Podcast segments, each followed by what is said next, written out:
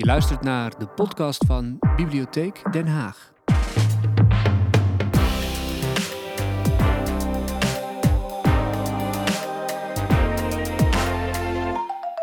Hallo allemaal, vanuit het absolute literaire mekka van Den Haag, de Bibliotheek Nieuweldek, heet ik jullie van harte welkom bij deze hele bijzondere aflevering van Haagse Iconen. Bijzonder omdat wij met deze uitzending de officiële aftrap mogen verzorgen van een serie online programma's die zijn te bewonderen op de social media kanalen van de Bibliotheek Den Haag en op de website van de Bibliotheek Den Haag. Op diezelfde website kun je ook terecht om te kijken welke programma's en wanneer ze worden uitgezonden.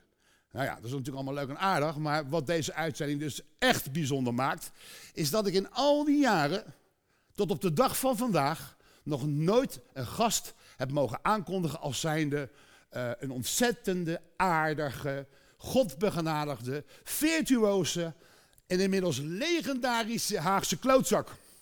Met andere woorden, Bart Chabot. Oh. Welkom Bart. Soms weegt het aardige wat meer dan het klootzakkerige. Ja, maar Is, het, is het de omschrijving uh, zoals mensen zich ook wellicht later moeten herinneren? Nou, ik hoop dat het aspect aardig toch wel prevaleert boven de klootzakkerige. Ja, ja, ja, ja, ja. Maar, ja, maar je moet, soms moet je in het leven wel eens, moet je soms wel eens keuzes maken. En die zijn soms hard. En dat gaat, altijd, gaat me moeilijk af. Maar soms moet je gewoon echt zeggen, dit gaan we dus niet doen. Nee. En dan, ja, dan ben je in de ogen van anderen even een klootzak. Ben jij al een beetje gewend aan het feit dat als je zo'n aankondiging krijgt, dat het dan stil blijft? Want we zitten hier met z'n ja, oh, ja, noodgedwongen zonder publiek. Ja, moet je luisteren, Fred, ik loop nou zo lang mee, 40 jaar. Ik, lig, ik, ik, verbaas me wel over dingen, maar ik lig nergens meer wakker van. Nee? Dus uh, je hebt een keurig gedaan. In één keer stond het erop. Dus ja, fantastisch. Zonder autocue. Ja, Zonder autocue. Ze noemen mij niet voor niks one-taker, Fred. Nee, ja, nee, one-taker, ja, ja. Nee, Fred, nou, prima. Hoe, hoe, beleef jij de coronatijd, Bart? Nou, weet je, ik ben natuurlijk schrijver in essentie. Mm -hmm. Dus uh, uh, het gekke is dat voor mij qua werk van het niet zo heel veel. Behalve dat ik niet kan optreden natuurlijk. Maar ik zit natuurlijk gewoon te schrijven. Dus uh, ik ben al, als schrijver ben je eigenlijk altijd al in quarantaine. Dus dat je een beetje al in je eigen bubbel altijd? Ja, ja je moet natuurlijk... Weet je, als je schrijft, er is maar één manier om het te doen. Dat is door, door het te doen. Ja. Aan je bureau te zitten en je pen te pakken en papier en ja. te beginnen. Alleen ja, alle optredens zijn natuurlijk weggevallen. Boekhandel, bibliotheken, uh, theater natuurlijk allemaal. Ja. Doe alleen af en toe televisie. Dat is allemaal zonder publiek. Dus ook dit ben ik wel gewend, weet je. Ik bedoel, maak je een grap die echt heel leuk is.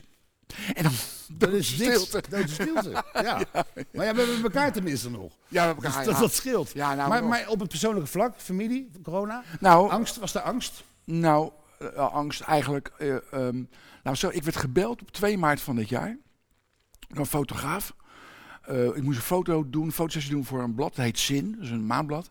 En toen zei ze, ja, vanmiddag om twee uur zien we elkaar, in Den Haag was dat dan. En uh, ze kwam uit Amsterdam, kwam zij. En, maar ik kom terug van wintersport uit Lombardije. Ik zei, nou, hard leuk, weet je wel. Lombardije, ja, weet je wel. Een week later brak de pleuris uit, ja. weet je wel, ja. En, uh, en toen, en weet nog, mijn boek kwam uit mijn vaders hand eind januari. En we gingen op een gegeven moment, gingen we, uh, we hadden op, we hadden boekenbal op 6 maart. Op 7 maart, zaterdag, zat ik met Sebastian, mijn oudste zoon, met zijn boek. Uh, zaten we in boekhandel in Leeuwarden. Met 150 man. Signeren, vlakbij je, weet je wel. Niks aan de hand. Op maandag zaten we in de boekhandel De Drukkerij in Middelburg. Ook 120 man, weet je. We hebben drie uur opgetreden, weet je. Te gek allemaal. Ook hele rij echt naast je. En ik rijd s'nachts naar huis met Sebas en met Jolanda, mijn vrouw, die was mee. En was noodweer. We moesten Rotterdam moesten, was een weg. Moesten helemaal omrijden ook nog. Ik kwam om half drie s'nachts thuis. Ik ga mijn bed in, weet je wel. En ik word de volgende ochtend wakker om een uur of elf. Helemaal vertiefd. Gewoon kapot? Ko helemaal kapot. Waanzinnig griepverschijnsel, weet je wel. Koorts, hoge koorts, 8,5. En uh, hoofdpijn, misselijk, de hele, hele pakket. Ja, dat, was, ja, dat bleek dus achter. Mijn zoon werd getest later. Uh, die had corona. Dus uh, dat, heeft, dat geintje me zes weken gekost. Jeetje. Dus het is wel serious stuff. Ja. Weet je wel? Dat, bedoel, het is geen flauwekul. Dat betekent dat je zes weken stilstaat eigenlijk. Ja, nou ja, je, nou ja, je kent mij een beetje. Ik heb ja, een week in bed gelegen. Dat is niks voor mij al, een week in bed liggen. Bedoel, bedoel, ik vind in bed liggen, heeft, bedoel, het heeft natuurlijk af en toe zijn charme. Als je met een ander. Hè? Maar, maar verder is het vrij saai verhaal. Je doet je ogen dicht, ben weg. Dus dat is niet zo erg interessant ja. uh, verschijnsel. Maar ik heb echt een week in bed gelegen. En toen ben ik heel voorzichtig begonnen. Nou, ik zou even, om een idee ervan te geven, Fred. Ja. Normaal gesproken schrijf ik zeg maar duizend woorden per dag. Je hebt soms uitziening van 2.500 woorden, soms ietsje onder 900. Maar dat is gemiddeld wat ik per, week, per dag schrijf. In, in die weken van corona schreef ik in één week 320, 340 woorden. In een week. Hm. Ja, wat het- je zat aan dat bureau, joh, en dat was echt... Schreef je een regel aan. En moest naar de wc, was al een, een, een tocht door Siberië met de wc te gaan, vijf meter verderop. Nou, alle krachten, het vloeit. Ja, jongen, zat je op de pot, zat je. Ja. En denk je, nou, ik ga doortrekken. En dan, ik ga eerst eens kracht verzamelen om terug te komen. Weet je wel? hè. Jolanda is arts, Als arts, ja. zit dicht bij het vuur. Ja, Hoe reageerde zij? Want Nou je, ja. toch, je zit toch in de risicogroep. Eh, ja, dat betreft wel goed. Nou, die zijn natuurlijk ook, het is wat je hebt natuurlijk. Dus eh uitzieken die handel. En, eh, en niks meer doen. Maar Nee. weet je, ik had niet zoveel eh goede raad nodig. Want al zou ik wel willen doen, het ging gewoon Dat niet. ging gewoon niet. Nee. Nee. Dus dat is eh, eigenlijk eh, de meest directe ervaring met corona, ja. Dus eind april was ik er vanaf. Dat Ja, nu.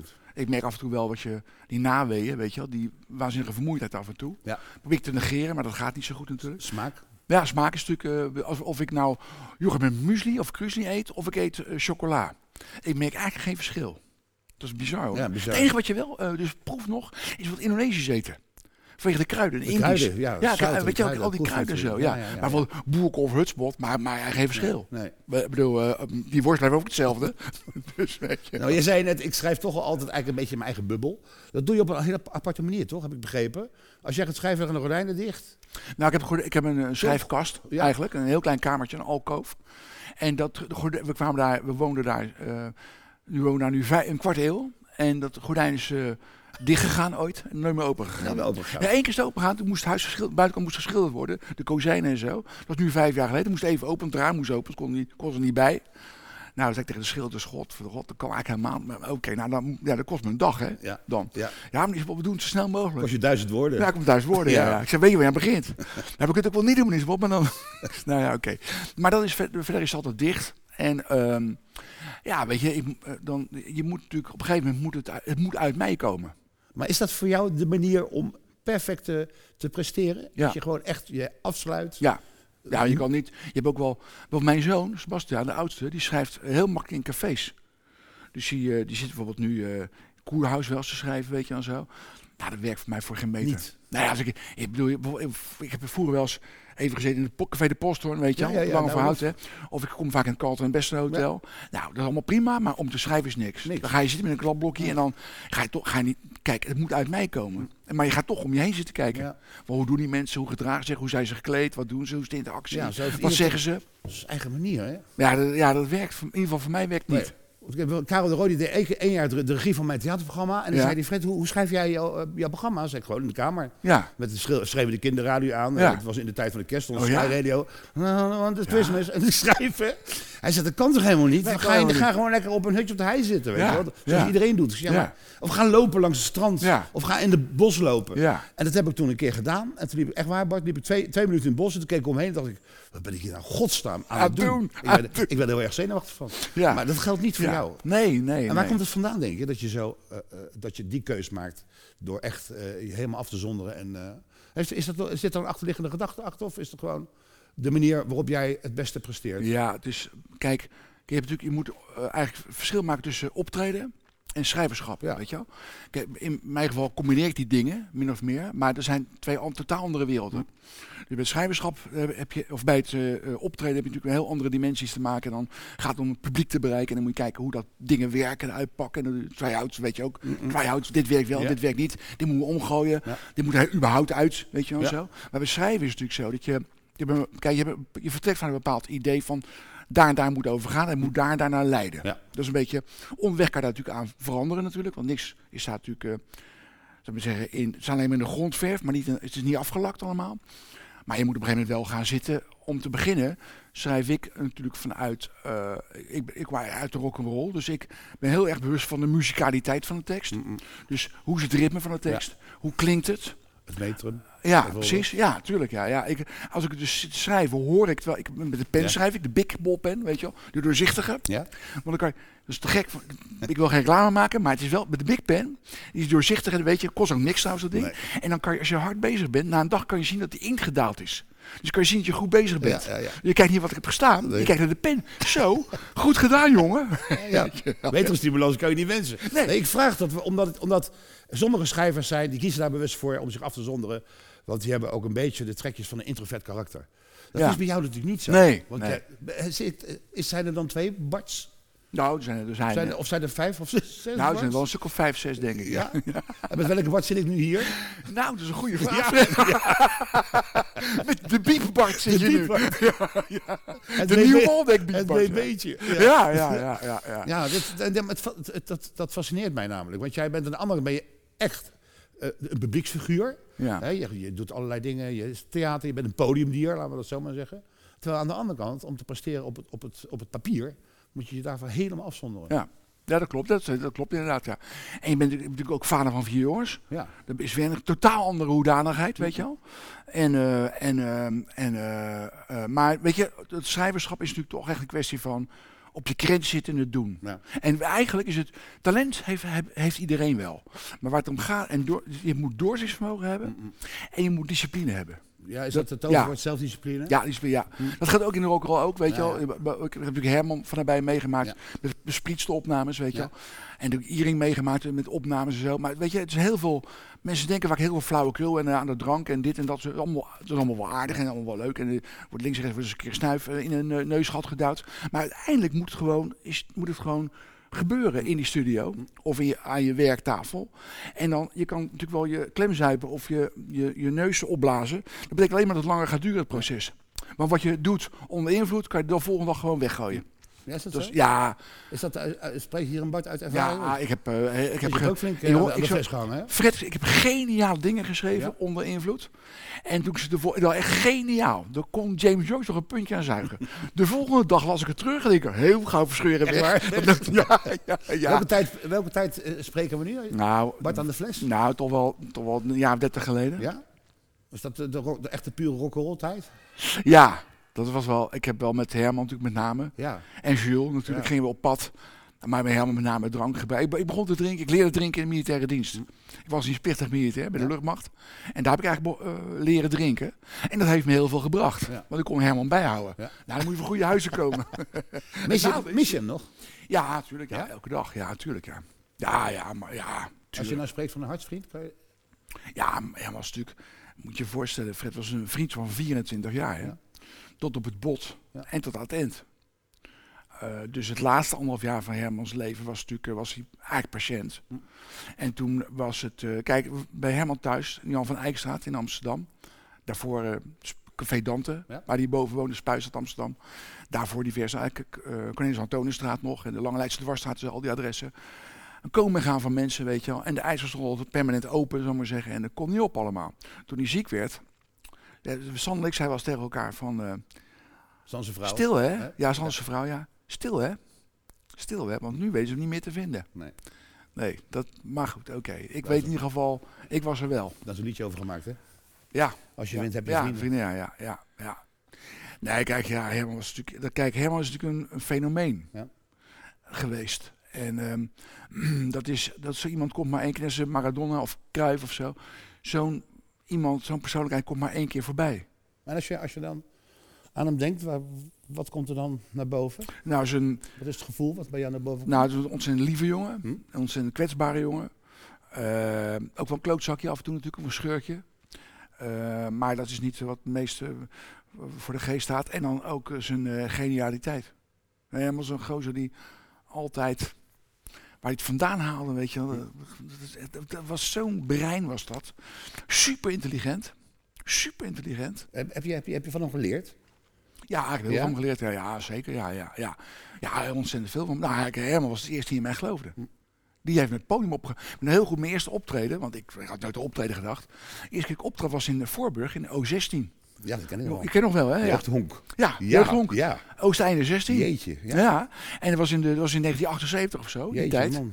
En Herman zei, jij moet optreden. Ik zei, nou joh, ja, die gedichten veel- vinden mensen leuk. Hm? Daar heb je, kan je mensen mee bereiken. Ik zei, nou, we gingen kijken, in, eh, hij had met de Wild Romance, weet je wel. Met Ja, Lademach, ja, de oude. En op een gegeven moment legt hij de, ik kom binnen, ik was iets later, en hij, hij legt het concert stil.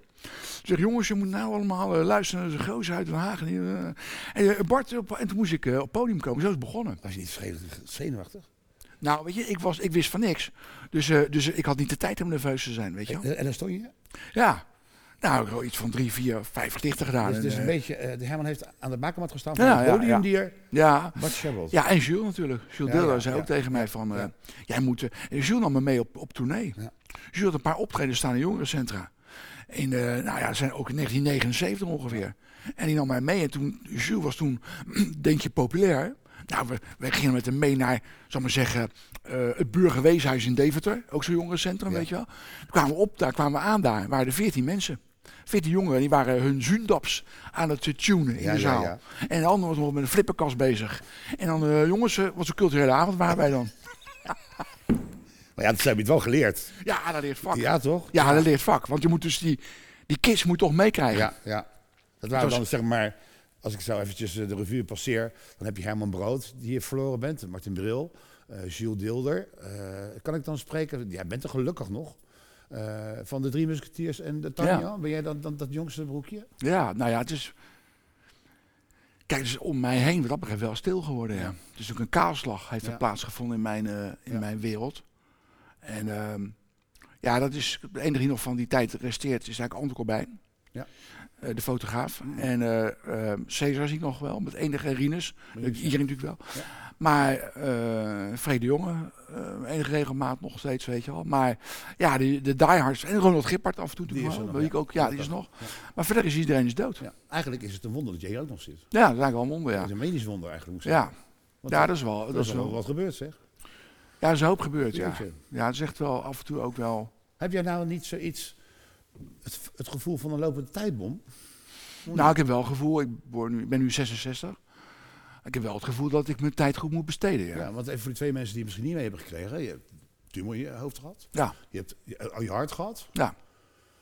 Dat Ja, zijn geen kleine dingen. nee. Nee, het gekke was, ik had twee jaar geleden, lag ik in Lijnburg. Kreeg ik een, eh, een, ehm, een sepsis, een bloedvergiftiging. En dat was eigenlijk van die, van die drie dingen het eigenlijk het heftigst, weet je wel. Toen was toen was eigenlijk dicht bij de uitgang. Hm. Dus, ehm, Heb, je ja. het licht, heb je het licht gezien? Nou, ik moet je zeggen, het bleef oorverdovend donker. Echt? Ja. ja. Ja, je moet wel zeggen van ja, je ziet je leven ook voorbij komen. Nou, ik zag niks. Helemaal niks. Nee, helemaal niks, nee.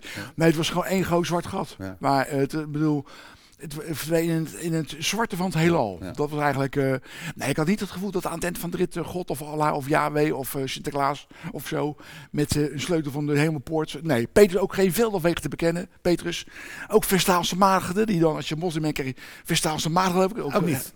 eh, ook niet, nee. Niks Het was, gezien. het was oorverdovend Nee. zwart en Je donker. werd wakker en je zag Jolanda. Ook Dat niet. Ook niet. Ook niet. Nee. Hoe, hoe reageerde de familie op, op, op, op al die eh, narigheden? De, de, Wie? tumor, de familie. Je, hebt een prachtig gezin, je hebt vier zoons. Nou, weet je, met de Is, is de Jules... familie hecht? Ja, het heel, gezin is heel hecht, ja. Ja? Eh, dus toen Jules overleed vorig jaar, ja, Ja. dat was bizar joh. Dat was, wij, ik zag Jules vijf dagen voor zijn dood. Er was, we hebben dezelfde uitgeverij, de Bezige bij in Amsterdam. Die bestond eh 75 jaar. was 12 december vorig jaar was dat. Dat is ook mijn, mijn trouwdag. Dus Johan en ik waren die dag eh, eh, 32 jaar getrouwd. 32, ja. Ja, en eh, de, de, de, BCB heeft een traditie, zullen we maar zeggen. Dan op een bepaalde jubileum, 50 jaar, 65, 75, laten ze alle auteurs en medewerkers fotograferen door, door een goede fotograaf eh, in het Rijks, de bibliotheek van het Rijksmuseum in Amsterdam. En die avond dus ook, 12 december vorig jaar. En ik, ik kom binnen, ik zie Jan Kramer en ja, dus te trekken gozer Jan Kramer trouwens. Die heeft nog in Den Haag gewoond, hè, atelier hier gehad. Waanzinnige gozer. En Kees Notenboom, Remco Kampart en Jan Mulder en zo. Echt leuke mensen. Ja, Ronald Gippard ook en zo. Maar ook Jules. Ik loop met Jules omhelzen elkaar en eh, gelijk in gesprek. En ontzettend gelachen, weet je. We lopen weg uit het, als laatste uit het museum.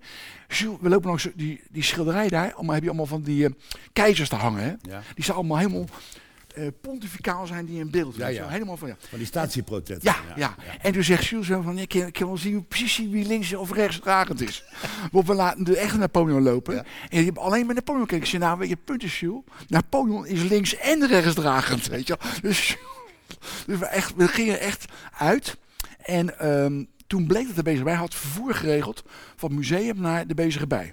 Over het Museumplein heen in Amsterdam. Met een koets. Dat heen niet, moest je zelf, eigen gelegenheid. Dus we staan te wachten met onze eh, ega's. Dus Annemarie, Fok Ja. en Jolanda. Met z'n vieren. En, en Jolanda kon niet zo goed lopen. Dus Jules, ik zei, "Nou, een teringstukje loopt toch wel even. Nee, nee, maar Jolanda, oké, oké, dan, oké. Die koets komt eraan, jongen. Een hele lange zwarte koets. Met twee, met een koetsier en Paul Vernier. Zo groot hij erbij zit, weet Ja, je ja, wel. ja, ja. Hele grote. En Jules zegt, joh, direct, godverdomme, wat een lijkkoetsman. Daar kennen we met z'n tweeën in. Vijf dagen voordat hij overleed. Ja, vijf dagen overleed hij, ja. En eh, dat was wel, ehm, ja, bizar. Omdat, eh, en toen, ik heb nog, was, toen vond ik heel erg eervol. Hij werd, eh, de uitvaart was op, eh, crematie was op Oudjaarsdag, Mhm. vorig jaar. Dat was om twee uur 's middags in ehm, Hofwijk, om Hofwijk, in de Overschie, waar Jules geboren is, 35 jaar geleden. En toen was er een bijeenkomst voor iedereen in de Doelen in Rotterdam. En ik mocht daar op verzoek van de weduwe en zijn dochter Arie spreken. Dat vond ik wel Hm. Heel erg. En toen kwamen we buiten, om, ik was de laatste spreker, kwamen we buiten om een uur of zeven. Het was een waanzinnige mist. En toen reden we terug naar Den Haag, weet je wel. En eh, toen kwamen we, ja, door die mist, tussen die weilanden, bij Delft dus allemaal, kwamen we Den Haag binnen en overal was, was mist en was vuurwerk al, weet je wel. Dus je zag, uit de witte zag helemaal boven de stad. Ja, natuurlijk. Ja, allemaal, ja, was, ja. En het, bizarre was, het was dus 12 uur. Eh, feliciteren en een goed jaar gewenst. En toen realiseerde ik dat Jules was dus, hadden we net die middag weggebracht, maar Jules was dus vorig jaar overleden. Ja. Ja, Terwijl, je- terwijl het een paar uur geleden was. Ja. Jules, Jules is niet net over, nee, Jules is vorig jaar overleden. Ja, bizar. Dat is bizar, Ja, weet bizar. je wel. Je hebt ook gesproken bij eh, de begrafenis, de uitvaart van, eh, van Herman, hè? Ja. Ja. Ja, dat zijn k- fijne klussen, Fred. Ja. Ja. We hebben het net over drinken gehad. Dat begon in de militaire diensttijd bij jou, zeg je. Dat was een beetje de, de, de rock'n'roll tijd. Dat je Herman brood kon bijhouden. Maar was er niet een andere reden waarom jij naar de fles greep eh, in die tijd? Nou ja, achteraf was het natuurlijk, eh, was het natuurlijk een middel om je onzekerheid te dempen Ja, natuurlijk. Ja. Want die onzekerheid kwam niet uit de lucht vallen. Dat heeft alles te maken Nee. met... Ja. Nou, met het gezin waar ik uit, uit ben Ik mag het eigenlijk geen jeugd meer noemen. Nee, het was een. eh, ik heb eigenlijk nooit zo. ehm, weet je, kijk, je, je moet natuurlijk verder in je leven. Dus op een gegeven moment. ehm, het gezin waar ik in ben opgegroeid was niet zo'n feest. Om het heel zwak uit te drukken. Eh, dus ik heb op een gegeven moment dat gewoon afgesloten. En daar dat, dat gat afgedekt met planken en stenen en golfplaten en prikkeldraad en eh ehm, Cementen muren. Om het maar zo ver mogelijk diep weg Ja, want je moet verder. Ja, Je kan niet zeggen, ja, mijn leven is mislukt, maar dat komt door mijn vader en moeder. Ja, dat is een zwaktebod. ja, Je, dat, dat, dat heeft natuurlijk waanzinnige invloed. dat bedoel ik. En je hebt natuurlijk wel beschadiging opgelopen voor het leven. Ja. Maar je moet, je moet altijd je, je eigen verantwoordelijkheid nemen voor je eigen leven. Ja. Als je het kan, althans. Ja. Je Je hebt ook mensen die dat niet kunnen, maar dat is een ander verhaal. Maar in principe moet je gewoon, je moet het zelf doen. Ja. je even- kan ook niet. Je, je vader kunnen het ook niet voor jou doen. Dus je moet het zelf doen. Dus je kan je nooit verschuilen. Vond ik zelf. Ik Ja. kon me niet verschuilen achter van ja, ik heb er niks van gebakken, maar dat komt omdat mijn vader en moeder kut waren. Ja. Ik kan me niet voorstellen dat mensen niet weten in wat voor nare jeugdperiode jij eh, terecht bent gekomen. Omdat je, je vader en moeder zeiden echt ook daadwerkelijk letterlijk, was maar nooit geboren hè?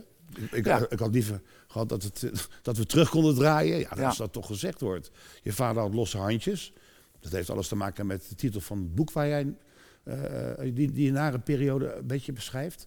Eh, wat, ik wel, wat ik wel opval is dat die jongens van jou, die hebben geprobeerd om met jou over te praten. Omdat ze gewoon het verdriet en, en de pijn van hun vader zagen. En toen zei, eh, ik kan me nog herinneren dat Splinter ooit eens zei... mijn vader zit liever een plaat van Elvis op en speelt luchtgitaar...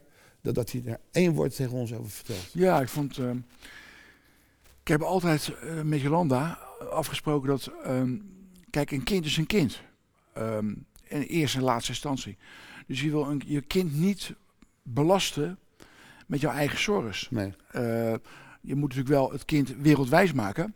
En niet weer. Kijk, we ze zijn opgegroeid in Den Haag. En ik zie Den Haag als een, als een heel wereldse stad. Ehm, het is een stad aan zee en het is een cosmopolitische stad. Omdat er heel veel verschillende mensen wonen en verschillende achtergronden en noem maar op allemaal. Dus als je in Haag opgroeit, ben je, kan je overal slagen. Dan is de stad naar New York niet zo super groot. Of Shanghai of Milaan of Turijn of, eh, of, of Moskou, weet je wel. Ik bedoel, je kan, je kan je wel redden in het leven, weet je wel. Is een serieuze, een serieuze stad. Gaat ook voor Amsterdam en Rotterdam, weet je wel. Het ligt misschien voor eh Iets minder. Woningsveen even anders. Maar eh, Ja, maar het gaat voor mij voor Rotterdam en Amsterdam ook. Maar goed, dus het, ja, nou ja, het is... dat terzijde. Ja, dat- ja. Maar Maar, ja, ik, ik- maar ik vond het niet nodig om mijn kinderen te belasten met mijn privézorgen. Ik dacht dat als ze wat later groot zijn en ze zijn in balans, ze hebben hun eigen weg min of meer gevonden, dan kan ik dat wel op ze loslaten, min of meer. die keuze had je toen al gemaakt. Ja, al vrij snel. Ja. Ja? Maar wat mij nou ook eh eh, eh, bezighoudt, dat is... als kinderen vaak zo'n jeugd meemaken, hè, met hoop agressie en vernederingen, geestelijke en, en menta- of, eh, fysieke mishandeling. dan zie je vaak dat ze later als volwassen persoon met kids terugvallen hetzelfde patroon. Ja. Je kan er, ik weet niet hoeveel wetenschappelijk onderzoek op naslaan. Heb jij nooit je, heb jij nooit je angst gehad? Nee, totaal niet. Nee, Helemaal niet? nee totaal niet. Nee, nee. Het zit, eh, gewelddadigheid zit niet in me. Nee. Nee, daar heb ik totaal geen last van. Nee, ik bedoel, ehm, kijk, ik, kijk, mijn grootste vorm van gewelddadigheid, die uit zich in dat als ik s'nachts in bed lig in de zomer en er zijn drie muggen, doe ik de lamp aan en sla ik ze te pletter. Weet je wel? Want dan word je er gek van. Ja. Maar ook Maar- nooit de angst gehad? Dat het ergens nee, toch misschien... Nee, want ik ik ken mezelf goed genoeg om te weten dat het daar niet toe. Dat ik hef mijn hand niet naar een Nee. ander. En Tegen een ander op. En wat was nou het moment dat jij besloot van nou, nu vind ik, eh vind ik al wel tijd worden. Ik ga er een boek over schrijven. Nou, eigenlijk was dat waar we net even over hadden. Toen ik hier in Lijnburg lag. Ja. Twee jaar geleden. Ook november. eh, dus november 2018 Ja. was dat. En was ik echt doodziek. Echt doodziek. En, eh en Jolanda zegt ook, ja, ik voelde ook wel van dit is echt gewoon heel erg foute boel. Hm. Echt heel erg foute boel, weet je wel. Die hersentumor was eigenlijk wat dat betreft eh, veel wel mee. Klinkt gek, maar dat viel wel Ja. mee. En het hart, weet je, was natuurlijk wel negen cardioversies. En een ablatie uiteindelijk gekregen. En dat, maar dat, dat is allemaal niet niks, maar dat was allemaal nog niet zo'n big deal, weet je wel. Hartritmestoornissen zijn niet meer dan hartritmestoornissen. Ze kan er iets aan laten doen, weet je wel. Maar een sepsis ta- tast je organen aan. Dus eh, er was al in mijn bloeduitslagen al te zien dat de lever en de nieren was al, werd al minder, weet je. Die begon al... ehm, en ik kon, ja, ik, nou, het was, ik lag echt volkomen... Ja, het was gewoon... Ik zag het gewoon, ik zag het echt niet, ik zag het niet meer gebeuren, weet Nee, je. zag je was dat echt, echt zo? Ja, Dat je dacht van het is nu klaar? ja dit, dit ga ik niet redden, ja. Nee. En, Ik heb heel veel gered en heel veel weggekomen met dingen. Maar nu ben ik echt een lul. Nu hang ik eraan. maar wat, wat doet dat dan? Wat, wat, ik ik, Nou, dat ik was probeer me altijd iets voor te stellen. Wat, wat, wat, wat voel- voel je dan? Wat gaat Ja, nou ja, weet je, dus hoe me toen voelde, dat- was je, dat je gewoon, ik keek naar de klok, weet je wel. De hingen, ik, lag op een, eh, ik lag op een spoedeisende hulp, kwam Ja. ik binnen. En dan lig je met zo'n gordijntje om je heen, weet Ja. je zo. En op een gegeven moment ik, eh, dan heb je daar de opname, acute opname heet dat, weet je wel. Mhm. Dan ga je dus van de spoedeis waar je binnenkomt, Lijnburg, Verhagenese, achterkant van het ziekenhuis. En dan ga je op een gegeven moment ga je dan door naar de acute opname. Dus een paar kamers en dan, eh, en ligt tegenover je bed ligt een klok. Vind ik wel leuk voor spoedeisende opname. Dat je, dan lig je, dus, lig je dus de moord te steken, weet je. En dan zie je die klok zo lopen, zo van... eh, dat dokter eh, Grimberg zegt, uw tijd loopt. weet je Ja, ja, ja, ja, ja. Ja, en, eh, en dan zie je ook echt vijf voor twaalf worden, weet je wel. Zo s'nachts je vijf voor twaalf, weet je. Maar ehm, toen, ja, dus wat je ook hoorde daar, aan die kant, de lichte kant, hoe ik een traumahelikopter hoorde dan naderen, weet je wel. Dat gele ding. En dat je echt denkt, ik dacht wel toen nog lag ik in bed en hoe die traumahelikopter denkt, nou die is nog slechter aan het doen dan ik, weet je wel. Want die Maar kon je, als je dan nog steeds dat rela- relativeringsvermogen... Ja, ja, ja, want je relativeert ook heel, je relativeert heel snel Ja. man. Altijd, altijd wel gedaan door mezelf, maar dan helemaal. Maar, maar hoe zag die emotie er verder uit? Heb je nooit gedacht, nu is het gewoon klaar? Ja, dus ik, dacht echt eh, van, nou, dit ga ik gewoon niet redden. En ik, dacht, ik maakte de balans ook op, weet Ja. je wel. Ik ben, ik ben, ik ben Jan zegt dat ik een goede vader ben geweest voor mijn vier kinderen. Mm-hmm. Ik ben ook een goede echtgenoot geweest voor mijn vrouw, weet je wel. Ik heb, eh, ik heb niemand, eh, ik heb geen, ik ben gewoon ook niet kwaadaardig. Dus ik heb niemand kwaad gedaan. Dus er wel mensen zijn die vinden me niet leuk of die allerlei Ja, commentaar, whatever, maar whatever, whatever. Maar ik ben, ik heb niemand pijn gedaan of kwaada, ik ben niet kwaadaardig, weet je. Dus, eh, dus de balans is oké, weet je wel. Alleen realiseer me ook, ik heb te weinig gedaan. Ik heb te veel op de televisie rondgehangen, te veel opgetreden, te veel gegaan. Ik ben te veel gegaan voor het snelle succes, instant Ja, ja. succes, het schouderklopje, de bevestiging. Komt natuurlijk vanwege de jeugd Dat natuurlijk. denk ik wel. Ja, Dat is toch klopt. een erfenis. en ik dacht in dat bed ook, als ik hier uitkom, als ik dit overleef. De mij had gezegd, ik wil dat je een boek over je jeugd schrijft. Ik dacht in dat bed wel, als ik dit overleef, dan moet ik dat boek gaan doen. Anders komt het nooit meer van, Nee. weet je wel. Dus toen ik uit dat bed kwam, heb ik dat ook gelijk gedaan. Dus heb ik, ben ik begonnen aan mijn vaders Een soort hand. wake-up call was het. Zeg je? Een soort wake-up call was Ja, het, zeg eh, maar. totale wake-up call. Ja, Ja, ja. ja. ik dacht echt van, oké. Maar, dat, maar dat betekent wel dat je toch nog, ondanks dat je dacht van nou, klaar, ik ben een goede echtgenoot geweest. Ik zie straks mijn kinderen niet meer, maar ze zijn goed terechtgekomen. Ik heb het goed gedaan. Dat je toch nog een bepaalde vorm van overlevingsdrang eh, in dat lijf hebt zitten. Nou, ik dacht echt van, als ik dit red, ja, als ik hier nog uitwandel uit Ja. het ziekenhuis, dan, dan, dan is er geen tijd meer te verliezen. Nee. En dat heb ik tot op de dag van vandaag eigenlijk. En Ik heb, ik heb dan, als je zoiets zegt, heb ik altijd de neiging om je even beter te pakken. Maar dat mag natuurlijk helemaal niet. Nee, dat mag helemaal niet meer. Nee. Coronatijd. Ja, dat mag ja, gewoon ja. niet meer. De knuffel is de te knuffel. Waar is de knuffel gebleven, weet je wel? Op de huk. ja. Weet je wel, ja, ja. Maar goed, uiteindelijk heeft dat geresulteerd in, in het boek wat eh, eh, begin dit jaar is uitgekomen. Hè? Ja, Dat is toch gewoon confronterend. Poeh. Ja, ja het is nou het bizarre is dat bleek dat het, eh, het boek is, het is eigenlijk een van mijn groot succesboeken geworden. Bizar genoeg. We zitten nu in de achtste druk. Er zijn er 40.000 verkocht. Dat is echt, dat is echt ongelooflijk. Ja. In deze tijd ook, hè, want Ja. boekverkoop is ook allemaal minder. En, maar ik heb ladingen brieven en mails gekregen van mensen. En dat was het pijnlijke. Dat heel veel mensen er iets in herkennen. Ja. Wat achter de voordeur gebeurt en wat, wat fout gaat, is veel meer wijdverbreid dan je zou denken of zou hopen of zou vermoeden. En dat is een pijnlijke ontdekking, weet je. Je weet dat wel eigenlijk in je Mhm. achterhoofd.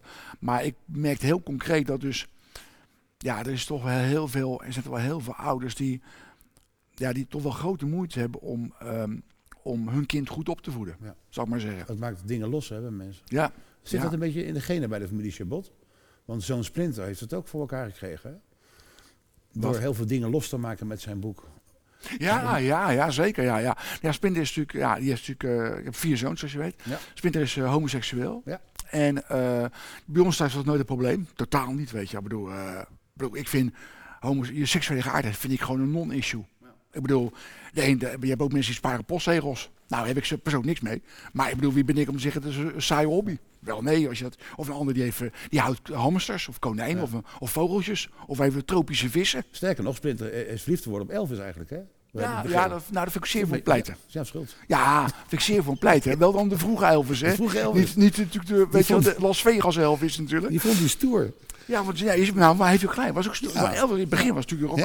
Ja. Dat was stoer, weet je. En een mooie man ook. Ja, Echt een mooie man. Weet je, en, eh, en eh, ehm, maar Splinter heeft met zijn, eh, heeft natuurlijk ook zijn eigen worsteling gehad, zou ik maar zeggen. Omdat hij, zoals Splinter, wel- kijk, Splinter op een gegeven moment aan de ontbijttafel. Ik zou eens een documentaire willen maken in landen of over landen waar ik verboden ben. Ja. En dat vond ik echt, ging me wel door merg en been, Ja. weet je wel. Dat je, omdat je dus, in, omdat je op mannen valt, of als vrouw op vrouwen valt, ben je dus verboden in sommige landen. ja, in Paria. Ja, ik ben een paar jaar, sterker nog, in Jemen krijg je de doodstraf. Krijg Hè? je de doodstraf. Ja, Ja, en dat is niet het enige land waar je, of je gaat de gevangenis in. Ja. Dat is natuurlijk, Ja. ja, het is, ja, Heb, heb jij die worsteling, eh, god voor de god. heb jij die worsteling meegemaakt van Splinter? Ja, wel meegegaan, ja, natuurlijk. Ja, ja, ja. En ik heb al, alleen omdat bij ons thuis totaal geen issue was. En ook de jongens, de andere, zijn broers ook dat geen punt vonden. Maar, maar geen- hebben wij misschien achteraf toch onderschat hoe het voor hem wel een worsteling Ja, ja. was. Omdat zoals Splinter zei tegen ik wilde zo graag normaal zijn. Ja. Hij wil ook zo graag zoals zijn broers. Dat ik ook zeg, nou ik heb een meisje ontmoet, vind ik heel erg leuk. En, en we gaan, gaan kinderen krijgen en zo. En, Ja, dus dus hij, omdat hij zo is, krijgt hij natuurlijk een iets ander leven natuurlijk. Weet je, Is- wordt dat leven anders ingericht. Maar ik heb ook tegen Splinter gezegd, weet je wel. Maar dat is niet minder of meer, weet je wel. Het is gewoon al- ja, anders, ja. Ik zeg, ja, ik zit erbij, je vader houdt van buitenbeentjes. Dus ik bedoel, ik vind het wel leuk Ja. dat je anders in elkaar zit Ja. dat betreft, weet je wel. Maar Sebastian, hij heeft zelf wel geworsteld, ja. andere zoon schrijft ook, Sebastian. Sebastian schrijft ook inmiddels. Ja, Sebas heeft het ook, ja. Ben je, ben je, dan dan moet je toch hartstikke trots zijn als vader. Ook op de andere twee natuurlijk. Want, ja. Maar eventjes, Ja, het raar is, weet je, dat vragen wel meer mensen of ik trots ben. ja? En dat heb ik, dat heb ik eigenlijk niet. Niet? Weet je, nee, we, trots, ja. Ik, dat, dat- Het moet je toch strelen dat zij in het voetsporen van hun vader in dezelfde discipline eh, terechtkomen? Of dat hmm. ze zo creatief en zoveel... eh, eh, eh, eh, Nou, weet je, ik ben blij dat ze. Kijk, mijn doel was altijd om eh, de kinderen zo op te voeden dat ze zelf zouden kiezen voor een invulling van hun leven waarmee ze zelf eh, een soort van kans op geluk zouden, zich zouden verwerven. En ik heb altijd jongens gezegd: het zit niet in geld. Geld is oninteressant. Ja. Je moet wel hebben om normaal te kunnen leven, zou ik ja, maar zeggen. ja, Eh, maar eh, behalve, ik, ik, ja, tenzij je natuurlijk in je leven een zeiljacht wil hebben. Ja. Dan moet je naar een gos met een zeiljacht. Of je wil een, een, een Jaguar sportcoupé hebben. Nou, ik heb, wel eens een, ik heb in een Ferrari voor een tv-programma met een Ferrari Den Haag, weet je wel. En met, eh, hoe heet die gozer ook alweer, die eh, op, eh, die gozer die op Schiphol dat programma doet, eh, Hello Goodbye. Oh, met eh, Joris Linzen. Ja, Joris Lins. Ja, Ja, ja, ja, ja, ja. Ik mocht de Haag laten zien. En, en dan wat, wat je eh, geheime eh, guilty pleasure staan? Een Ferrari. Ja. Dus Ferrari. Heb ik in Den Haag in een Ferrari gereden. Had hij, dat, had hij dat ook gedaan trouwens als hij weet hoe jij eh, je rijbewijs hebt gehaald? Nou, ik denk het niet. dat, vind ik, dat vind ik zoiets. Ja. Ja, dat moeten we even doen. Dat moet Ja. je even vertellen. Ja, ja nou, is ook, maar die, ik had een Ferrari. Ja. En dan reden we oh, Scheveningse weg en zo, Ja. weet je, en uh, Laaf Middenvoort ook en zo. Nou, Fred, eer- echt eerlijk is eerlijk, weet je, wel, de eerste tien minuten is hartstikke grappig. En daarna zit je gewoon alsof je in een DAF zit. Ja. Want je kan, je kan niet harder dan 50 Nee, in de precies. middenvoort. Ja. En eh, je hobbel moet je oppassen, Ja. want dan gaat die bodem eronder uit. Weet je wel. Je kan nergens parkeren. Ik vond er eigenlijk geen tering aan er eigenlijk. geen reet aan. Nee, Nee. dus ik bedoel, dus geld is, ja, je moet natuurlijk een, huis, een dak boven je kop. En je moet eh, natuurlijk eh, boodschappen kunnen doen en je moet op vakantie. En je moet natuurlijk een, nou, ik rij in, in een Dacia. Nou, ik vind het een heerlijke auto. Ja hoor. Er niks mis mee, Nee. weet je wel. Hoor jongens, nou, daar, daar is dus een B-Mac van Renault. Gaat in, de stad Nou. net, gaat in de stad net zo hard als die Ferrari. Dat weet je, en het is een hoge Ja. auto, een Duster. Ja. Het is een hoge auto, het is een, eh, een heerlijke auto, ik kan overal parkeren. Ja, dat vroeg ik me af. Hoe ben jij godsnaam in die Ferrari terechtgekomen? nou, dat was een hele klus. Ja, dat is wel nou, met een hele grote schoenlepel, Fred. dat moet ook wel. Om Ja. weer eruit te krijgen, joh. Dan heb je dat stuur in je buik zitten, ja, weet je wel. dat. God, Ja. man, weet je wel. Ja, ja, ja, het echt, ja. Maar je had een vraag met die ik ben nu Ja, nee, dat is een goede raad die blijft hangen. Is bij je kinderen denken van jongens, het gaat in het leven niet alleen om geld. Kijk, precies. En ik zei, jongens, eh, je moet op school natuurlijk, je moet je, in Nederland moet je diploma's halen. Ja. Zo. Doe, maak die school dus af. Ja. Ik heb geen Sebas studeren, die maakte die, eh, ja, niet veel in de studie. Ik zeg, Sebas, moet je luisteren? Die deed geschiedenis in Amsterdam. Ik zeg, Sebas, moet je luisteren? Je doet het niet voor mij. Nee. Het interesseert mij geen reet. Je doet het voor jezelf. Ja. Jij gaf aan dat je wilde studeren, je wilde geschiedenis doen in Amsterdam. Dus het ma- het maakt mij niet. Je hoeft voor mij hoeft niet te doen, die studie. I, don't care, Nee. weet je wel. Maar jij wou, wil, wou dat graag. Dus ik, ik, ja, maar als je dat dan wil, moet, moet ook wel doen. Want het kost natuurlijk een vermogen. Dus zorg dan dat je wel ons. Je hebt een stoppadje, een ander kind wil het wel graag doen. Dus, Ja, dus als je dat niet wil doen, hou dan maar op. Gaan we het anders doen, weet je. Dus dat, oké, dus dat, maar je, doet- je doet het niet voor mij. Dat geldt voor alle vier jongens. V- bedoel, voor mij hoeft niet te doen. Nee. Weet je wel? Bedoel, ik heb het gevoel als je socioloog bent. Nou, je kan beter loodgieter wezen. Want ik bedoel, eh, als een lood kan ik zo bellen. Maar als ik een loodgieter nodig heb, moet ik stad-land bellen. Of omdat hij misschien volgende week kan komen. Klopt, eens. Ze zijn niet te krijgen. Niet te En krijgen, als je alleen hebt, dan moet je het godvermogen betalen. Ah, ongelooflijk, Ja, weet je. ja. bedoel, schoorsteenveger, aannemers, weet je. Ik bedoel, of, of verwarmingsmonteurs, weet je. Ik bedoel, dus doe het niet voor mij, doe het Nee. voor jezelf, Hebben je. die kinderen nooit gezegd tegen jou, pap pleur op je goede raad? Je hebt het zelf ook nooit gedaan. Je bent zelf ook overal vanaf geflikkerd. En je hebt zelf Nou. ook niet afgemaakt. Ik, dat was met name natuurlijk op het gebied van eh, drank en eh, dat soort zaken. Ja. Dat ze zei, eh, ja pap, eh, moet je horen wie het zegt. Dat bedoel ik. Zo herkenbaar. Ja. Overwicht. Ja, nou ja, nou ja, ik zei altijd tegen hun van, moet je luisteren, je vader heeft alles gedaan, alles mee. Ik praat uit eigen ervaring.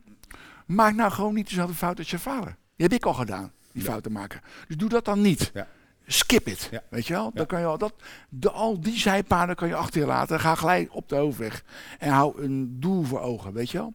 Laat je niet afleiden. Dat is een hele psychologisch correcte insteek. trouwens. Nou ja, ik heb natuurlijk het leven wel geleefd natuurlijk. Ja, En, eh, en ik heb die jongens ook meegenomen, altijd op de onderroad, weet je. Dus ze kennen Jules. En ze kennen maar, ze hebben je hebt Jan Mulder thuis in. Noord-Groningen, weet je. Als ze, ze kennen Remco, ze kennen Jan Wolken, ze hebben het allemaal meegemaakt allemaal, weet je. Martin natuurlijk goed gekend, Ja. Ronald Gippard. Dus ik focus je, daar, focus je op, wat wil ik met mijn leven? En doe het dan ook Ja. vervolgens, weet je wel. Sebastian heb je wel eens het vijfde broertje genoemd. Ja, dat klopt, ja. Want ik, ik, ja, ik, ja, ik, vond, ik wilde graag kinderen. Ja. En veel, liefst. Dus ik kreeg vier zoons. En ehm, ja, ik, ik kijk, Frit was zo, ze ging naar de basisschool. En ik kwam er smiddags vanaf. En eh, ze- kwart voor drie moesten ze ophalen, want ik zorgde voor de kinderen. Ik deed ze naar school en dan haalden ze op en eh, oké.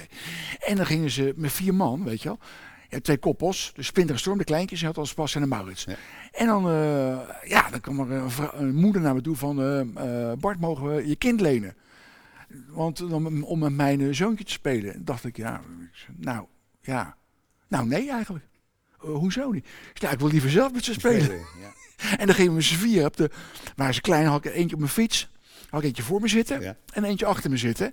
En als Bas fietsen voor me uit. Ja, ja. Weet je, en dan moet ik ook in de gaten houden. Nee, pas op, en die hier naar links, en stop. En dan gingen we voetballen, weet je, met z'n allen. En dan ging, mocht Bas, als hij groot was, mocht, kreeg hij geld van mij. Mocht hij eh, ijs halen en eh eh, AA'tjes, weet je wel. Het was helemaal, eh, en dan gewoon roze koeken en zo. En eh, dan gingen we mijn jongens voetballen. En toen, eh, en, en ik achteraf pas dat de kinderen mij zagen als een soort van vijfde broer. Ja, als hun broer. Ja, Maar ik, was natuurlijk, ik ben natuurlijk zelf een superkind. ja. Dus, dus ehm, ja, ki- ja, kinderen is het leukste wat er is. ja weet moet je. je Dus- blijven.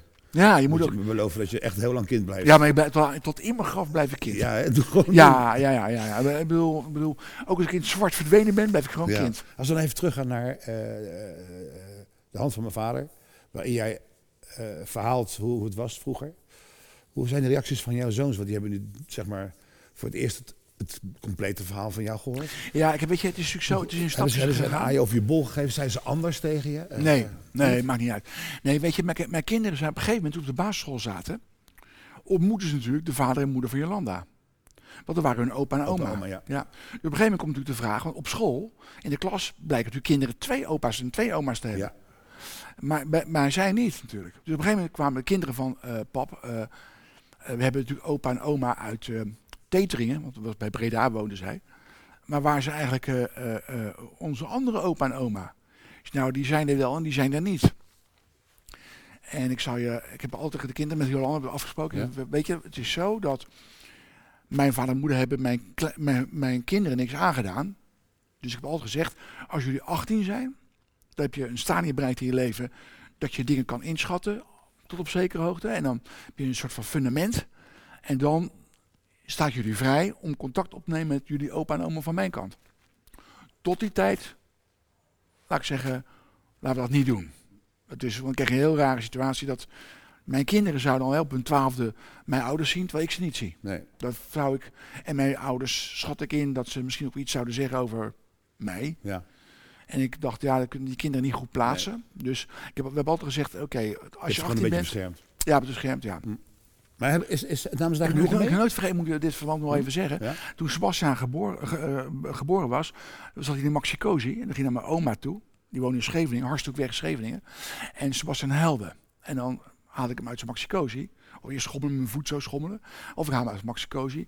En nooit vergeten dat mijn oma toen zei, nee, je moet hem slaan. Dat kind moet je, je bent een veel te zachte vader, je moet het kind slaan. Dat zei je oma. Ja, mijn oma, ja. Mm. En toen, dus ik toen dacht, Jan, zo, ze gaan, de kinderen gaan nooit, nooit, nooit bij ouders logeren. Nee. Nooit, nooit, nooit. Want ik vertrouw het gewoon niet. En, eh, en dus dat was ook een heel duidelijke reden om eh, daar een lijn te trekken. Ja, 18, oké, daarvoor. En toen ze 18 waren, ik had natuurlijk wel een paar dingen gezegd tegen ze, van, eh, dat het niet zulke leuke opa en oma waren. En toen ze 18 waren, zei ze, nou, we hebben er geen behoefte aan om ze te zien. Want ze zijn gewoon voor ons nooit een opa en oma geweest. Nee, nee. Dus is het gewoon vervallen. Ja, ja. Heb je niet het idee dat je ze wellicht iets wat te beschermend hebt opgevoed? Of- Nee, nee, nee, absoluut niet. Nee, want nee, ik heb ze meegenomen, wat je vertel, in, Ja. in mijn leven. En ze hebben alles gezien. Ja. Eh, Ronald Gippard en Marten Bril hebben bijvoorbeeld Maus aan de drank geholpen. Die was, die was acht jaar. Dus dat die, uh, goddomme, weet je niet, we zaten in Blericum, in theater.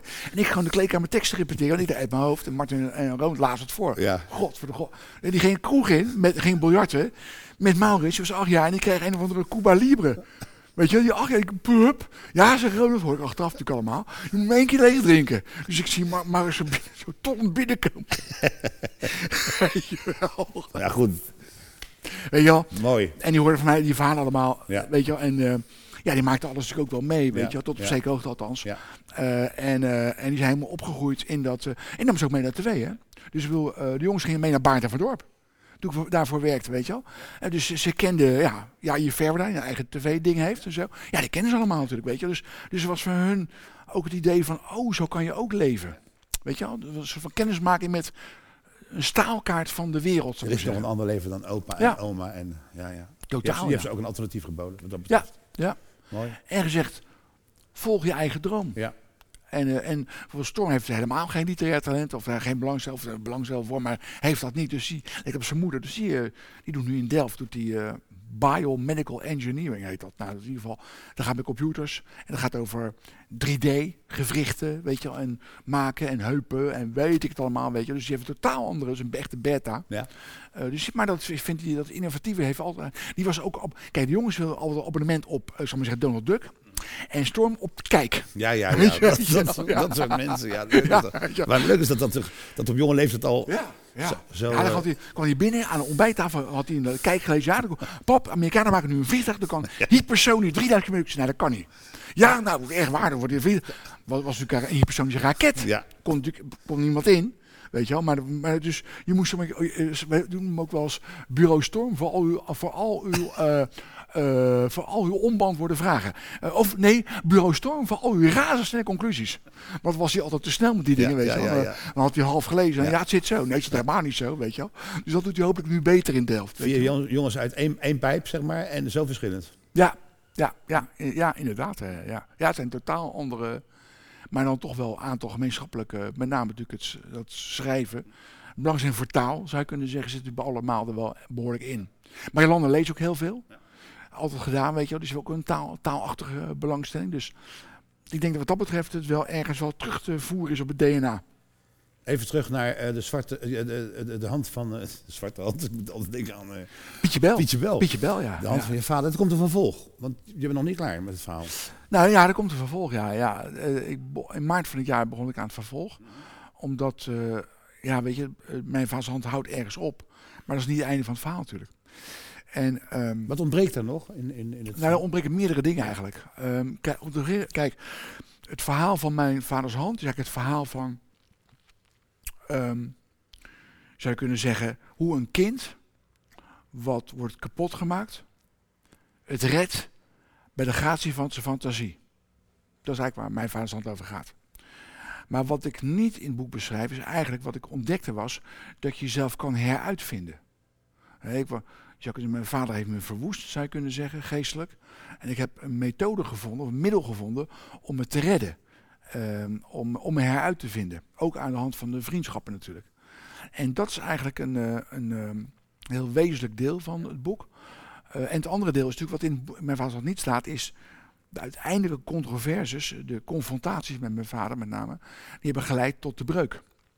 Ik heb mijn vader natuurlijk op een gegeven moment nooit, nooit meer gezien, Nee. gebroken met hem. Ik heb mijn moeder op haar sterfbed teruggezien, na een kwart eeuw, maar mijn vader nooit meer. Eh, en, en dat heeft natuurlijk een aanleiding, heeft natuurlijk een reden. Ja. En die gesprekken die we hadden, nou met name monoloog met mijn vader, dan, die heb ik nooit opgeschreven, nu voor dit boek wel. Er zitten een aantal spijkerharde confrontaties in. En je moet je voorstellen, toen ik het schreef, ik keek af en toe op, de, op internet, eh, bij YouTube even naar eh shootouts van westerns. Weet je, dat, dat twee mannen met een gun Ja, in een stoffig westernstadje met eh, zo'n tumbleweed, weet je, ja, zo'n stuk, ja, eh, wat dan stukje de- stro. ja, zo. die dan. En is inderdaad staat tegenover elkaar. En dat is het moment van de waarheid. En dan klok ook, die, die tijd loopt ook door. En je kijkt elkaar aan. En het is inderdaad, eh, wie is de snelste met de gun, weet je wel.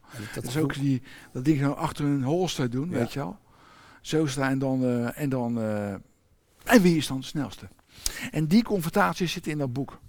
En, eh, en daarnaast zitten er in ehm, drie, de drie eh, vriendschappen met, eh die in volgorde van hun overlijden. Herman Brood, eh, Martin Bril en Jules Deelder. Dat zit erin. En dan zit erin de bekende Nederlanderschap. Hoe, hoe je dat kan worden, of hoe dat wordt. En hoe je vooral moet zorgen daar vooral weer van afkomt. Weet je, wel, dat, dat is, dat is een- niet beginnerswaardige status. En er zit natuurlijk ook in eh, ja, het vaderschap. Ik ben natuurlijk vader geworden in die tijd. En, ja. Dus het is een soort van. Er zit heel veel in een maaltijdsoep in het boek. Wordt nog dikker dan mijn vaders hand ook. Het is, Bizar genoeg. het is een behoorlijke pil, zei je al. Hè? Ja, zegt, eh, je moet denken, mijn vaders hand was 420 pagina's. En dit gaat wel over de 500 heen. Als je nou zit te schrijven hè, en dat, dan die hele film, die, die, die, die komt dan weer tevoorschijn op je netvlies. Hoe, hoe ben je daar emotioneel onder? Kan, kan, je dat, kan, je dat, kan je dat verwerken? Kan je dat kwijt? Ja, ja, weet je, de, met Is het mijn ouders. het komt hierin, het gaat er via de Big Pen uit? Ja, kijk, mijn ouders natuurlijk, dat leed is allemaal geleden. Eh, dat is natuurlijk eh, allemaal lang geleden. Kijk, die gevechten zijn uitgevochten Ja. natuurlijk. En ehm, Herman is natuurlijk eh, volgend jaar 20 jaar dood. Martin is volgend jaar 12 jaar dood. Jules natuurlijk heel kort nog. Ja. Ehm, zijn nou niet dingen waar je echt vrolijk van wordt. maar je- Dat, dat bedoel ik. Het zijn nog niet allemaal gebeurtenissen waar je nou echt vrolijk van wordt. nee, dat niet. Nee, maar je hebt, ik heb dat natuurlijk in essentie wel verwerkt. Eh, althans van Martin en Herman natuurlijk wel. En eh, Joost Wageman was natuurlijk een... eh, Ja. Dat heb ik eigenlijk nog... De, de- Joost Wageman vond ik echt heel erg. Hm. Omdat dat gewoon niet nodig was. Dus een, een, een, een, een vergissing geweest zijn dood. En dat vind ik wel heel In kwalijk. opzicht? Nou ja, Joost was depressief. Ja. En dan kreeg pillen daarvoor. En op een gegeven moment in overleg met zijn psychiater.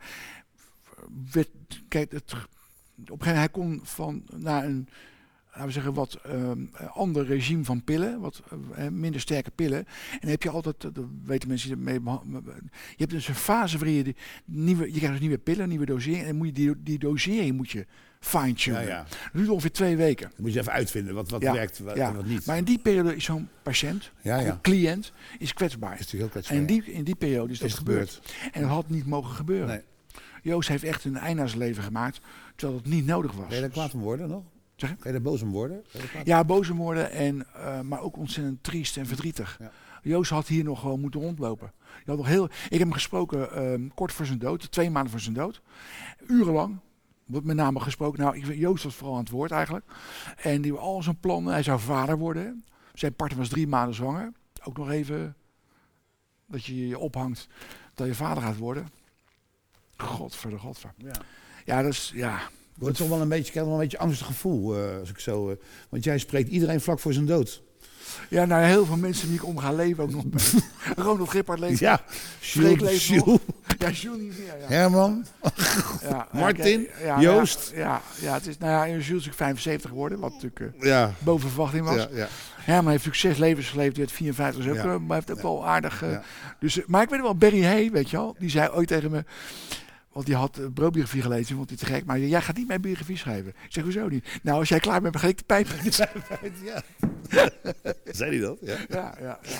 Wij moeten bijna afsluiten, maar ik wil niet afsluiten. Nou ja, het, is- ja het, ik, ik had liefst eh, nog Ja. redelijk... eh, ja. Begonnen. Ja we, zijn, ja, we zijn inderdaad bij begonnen. Dat gevoel heb ik ook. Dat gevoel heb ik trouwens met jou altijd hoor. Als ik jou een interview zie doen, dan denk ik... Die man, dit is voor de eerste keer dat hij een interview geeft. Die bent altijd zo bevlogen. En, en we, hebben dit, we hebben dit eerder gedaan, Diligentia. Ja, diligentia, ja. Wat heel emotioneel was, eh, omdat ik toen het verhaal nog niet kende wat jij, eh, van jouw vader en moeder. En het, Ja. en, en het sterfbed van jouw moeder was heel emotioneel. Maar dit is weer een heel ander gesprek. En ik denk als wij nog een keer gaan praten, dan komen we weer ergens anders eh, uit. Maar Oh, wat ja, ik altijd in het gesprek ga verwerken met jou, dat is je rijbewijs. Wil je mij nog Oh. één plezier doen? Ja. En even uitleggen Oh, hoe jij je ja, ja, ja. rijbewijs hebt gehaald. Ja, nou, weet je, het begon ermee, heb je even? Ja. Delft-Noord. Het begon ermee dat ik woonde op de Valkermana bij een hospitaal, mevrouw van der Valk. En ik was toen, ik denk 21. Ik kwam uit dienst en op een gegeven moment was er iets een idee van, ik moet mijn rijbewijs halen. En toen had je een rijschool, die heette Circle 7. En ik had een, een, een, een rijinstructeur en er was een, een vrij gezelle jongen. En een good looking guy, weet je wel, good looking guy. Indonesisch, echt eh, mooi glanzend zwart haar, weet je wel. En zo- gozer er goed uit. En dat bleek ook wel, dat werd ook in brede kring wel gezien, want hij had overal in de stad vriendinnen zitten. Dus dan gingen we, hadden we dubbele, ik had al dubbele rijuren, twee uur rijden. En dan gingen we met hem dus, ik reed dan naar een adres waar dan een vriendin zat van hem. En gingen we een koffie drinken. Anderhalf uur later zit mijn dasje weer recht. Gingen wij de auto in. En dan reden we naar de volgende kandidaat, weet je. En, eh, en, dus ik reed in zo'n dubbele rijles, reed ik gemiddeld denk ik nou een kwartiertje. ik zeg op tegen die geus nog, moeten we niet wat doen hè, aan dat achteruit insteken? Wel. Wel, nee, maak je niet, maak je niet druk. Dus op een gegeven moment, ik had zeven dubbele rijlessen gehad in drie maanden tijd. Hoeveel? Zeven. Zeven. En eh, ik kom bij het CBR, Rijswijk, weet je wel. En eh, ik nooit vergeten, ik zei, maar dat gaat toch niet goed allemaal. Heb je, heb je theorie? Ik zei, nou, theorie dat was voor mij echt niet te doen, joh. Want eh, met zo'n verkeersbord, dat gaat nog wel. Maar wie dan voor, komt er een tram en een bus en een, en een taxi en een begrafenisstoet. En ik zei, ja, joh. Dan zeg ik, joh, ga allemaal lekker je gang. Weet je wel, ik hoor het wel, meneer. Dus ik had dat theorie. Was, dus eh, hij zegt, nee, maak je geen zorgen, kom allemaal goed. Je bent bij de hand zat, kom allemaal goed. Nou, theorie- in die tijd moest je eerst theorie doen en daarna ging de auto in. Ja, ja. Oké, ik doe theorie. Nou, ik kreeg v- 50 vragen, joh. Ik, waar ging het over? Ja. Dus ehm, ook hoe, hoe breed je, je aanhangwagen mocht zijn. Ja. Nou, Fred, ik ga nooit van leven een aanhangwagen huren. Waarom zou ik moeten weten hoe breed het waren? Als je de dingen huurt, mag je aan dat die verhuurder weet hoe breed die mag zijn. Dat is meer dan genoeg, toch? Ja. Dus oké. Dus dat ging allemaal fout. Dus, oké, toen zat die rijstuk naar me toe, namens je bot. Dat theoriegedeelte was een drama. Maar misschien dat u in de praktijk Om beter presteert. ja. Dus ik zit in die auto. Ik had, moet nog in die tijd, eh, dat, dat- had ik, een- ik had les in een Ford Capri. Oh god. Was die sportwagen, daar zak je niet in, daar lag je in. Een Max Verstappen-achtige, weet je. Zo, lag je, een heel lange neus had die auto, weet Dat je. was Hij was, hoor, voor die tijd, Bart. ja, dat was wat. Dus je lag zo in die auto, zo. Wel, eh, hè, en dus, nou, oké, wij rijden dus van het parkeerterrein af. We moeten naar beneden daar, weet je wel. En dan krijg je eerst een fietspad, dan een voetpad en dan ga je de weg op. Ja. Ging allemaal hartstikke goed. Dat voetpad genomen, het fietspad genomen. Ik, ik wil de, auto met, ik draai die neus als het ware een beetje. En dan komt van links komt er een DAF. Met een echt waar, ongelooflijk. Kli- Klinkt als een cliché, maar echt waar. Komt er een DAF, een hele hoge DAF, weet Ja. je wel. Met een man erin, met een hoedje op en een sigaar. En die had de snelheid die daar ook bij hoort. Dus die kroop Ja. Ik denk, ja, dat schiet niet op. Ik moet toch, dat Rijkszaak duurt maar een half uur. Ik moet wel van die parkeerplaats, dus we moeten er even opschieten. Dus ik, wat ik doe, ik geef gas om die neus op de weg te draaien. Dat die gozer met een hoedje en dan, en dan gas geeft, weet je wel. Dus ik geef gas met die Capri en op zo'n moment, pas, die gozer drukt de rem in. Die, die, ex- examinator. Ja, Ja. examinator. Ja. Ik zeg, wat doe je nou? Ja, wat doe jij nou? Ik zeg, wat ik doe, ik probeer dat de doorstroom van verkeer te bevorderen. Ja. Ja, maar ik heb het erin, want ik heb het ingreep. Jij je had een beetje klauw vanaf moeten blijven. Ja. Meneer Sabot, rijdt u me door. Misschien kunt u er nog wat van leren. Dus ik rijd door, weet je en zo. En ik zit op de grote weg bij Delft ergens. En ik denk, ja, godverdomme, het kost toch een hoop poen, weet Ja, je wel. ja. Kost, ja, toen ook al. Ja. Nu helemaal, maar toen ook. Ik was natuurlijk arme student. En ik, ik denk, ja, jezus. Dus ik zit op een gegeven moment zit ik achter een vrachtwagen. Harry Vos. Nooit vrij. Harry Vos heette die. ik, zit er, ik zit er op een meter of twee achter. Denk, ja, het schiet niet op. En je mocht er niet, dan mocht je ook honderd daar, weet je wel. En ik denk, ja, ben toch gezorgd. Ga er gewoon langs, kan niet verrotten. Dus ik, rij, ik, ik ga er langs, kijk in mijn spiegel, dingetje uit, pup, hup er. En die gozer naast mij zegt eerst dus, ja, eh, we nemen de volgende afslag. En ik zie boven het bord, bo- boven de weg zie ik borden, Delft-Noord 500 meter. En ik zie die gozer, Harry Vos rijdt in kom Met, voor. ja, in konvooi, met drie auto's nog, weet je, met z'n drieën. Ja. Met zo'n stukje ertussen. Ja. Ik kan twee dingen doen. Ik kan remmen en er weer achter gaan. Ik had geleerd, je moet nooit op de linkerbaan remmen. Dus die optie verviel. Of gas geven. Nou, dat was toch gezakt. Dus ik denk, nou ja, die Capri, weet je wel. Ik geef gas. Nou, we zaten echt 160 zaten. Dus ik haal ook die afslag. Ja. Maar ook inderdaad, pas in de afslag kon ik vaartmiddelen. Dus die afslag daar is een- zo'n zo'n Ja, Zo'n bocht. zo'n bocht. Ja, ja. Dus ik, ga, dus ik haal die afslag, ga bovenop de rem en ik hoor nog die gozer zijn nagels over de binnenkant van voor. Toen zegt die gozer, ik heb kinderen. Zei Die ze ja, nou mooi, je? ik niet. Hij zet die wagen kant, ik rijd terug. Dus wij komen terug bij het CBR. En het was mooi weer, was het een zonnetje. Dus mijn rijinstructeur, met die gozer van Circle 7, staat daar. En die ziet dus niet mij achter stuur, maar die ziet die instructeur achter stuur. En die, die instructeur, die, we stoppen daar en die, eh, die zet die wagen weg. En hij zegt, eh, blijf jij maar zitten, blijf jij maar staan hier. En die, even met jou instructeur praten. Dus die, mijn stuk komt terug. Ik zeg, Bart moet luisteren. Ik vind je een aardige gozer. Echt waar, ik vind je echt een aardige. Ik heb een leuke tijd gehad. Maar om te beginnen, doe het gewoon nooit meer autorijden. Want dat is niks voor jou.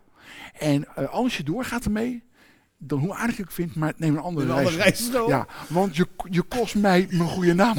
ja, ja, dat heb ik het dus nooit meer gedaan. Nee. Tot ik kwam in 2002, Ja. kreeg ik een verzoek van SBS 6 om ja, je programma, het Nationaal Rijexamen, Ja. of Nationaal Verkeersexamen. Toen vroegen ze mij van, eh ik kreeg telefoon, SBS 6, wil je op televisie je rijexamen maken? Nou, ik begin niet, ik heb ooit, eh, ik begin niet meer aan. Ik zeg, Jolan, kom van een werkzaam thuis. En nog wat meegemaakt. Bart van, ik zei, ja, ja, ik, ik moet je horen, joh, zo maf. Ik ben gebeld of ik mijn rijkzaam televisie wilde halen. Wat heb je gezegd, ze- Jolanda? Ik zei, nou, dat ik natuurlijk nooit nooit begon. Niet over piekerde. Zei Jolanda, zegt, dan bel je morgen op je dat je het heel graag wil doen. Ik zei, hoezo? Nou ja, met vakantie rij ik 5 kilometer naar Zuid-Frankrijk. Kan ik allemaal alleen rijden. En jij doet de kaart verkeerd lezen.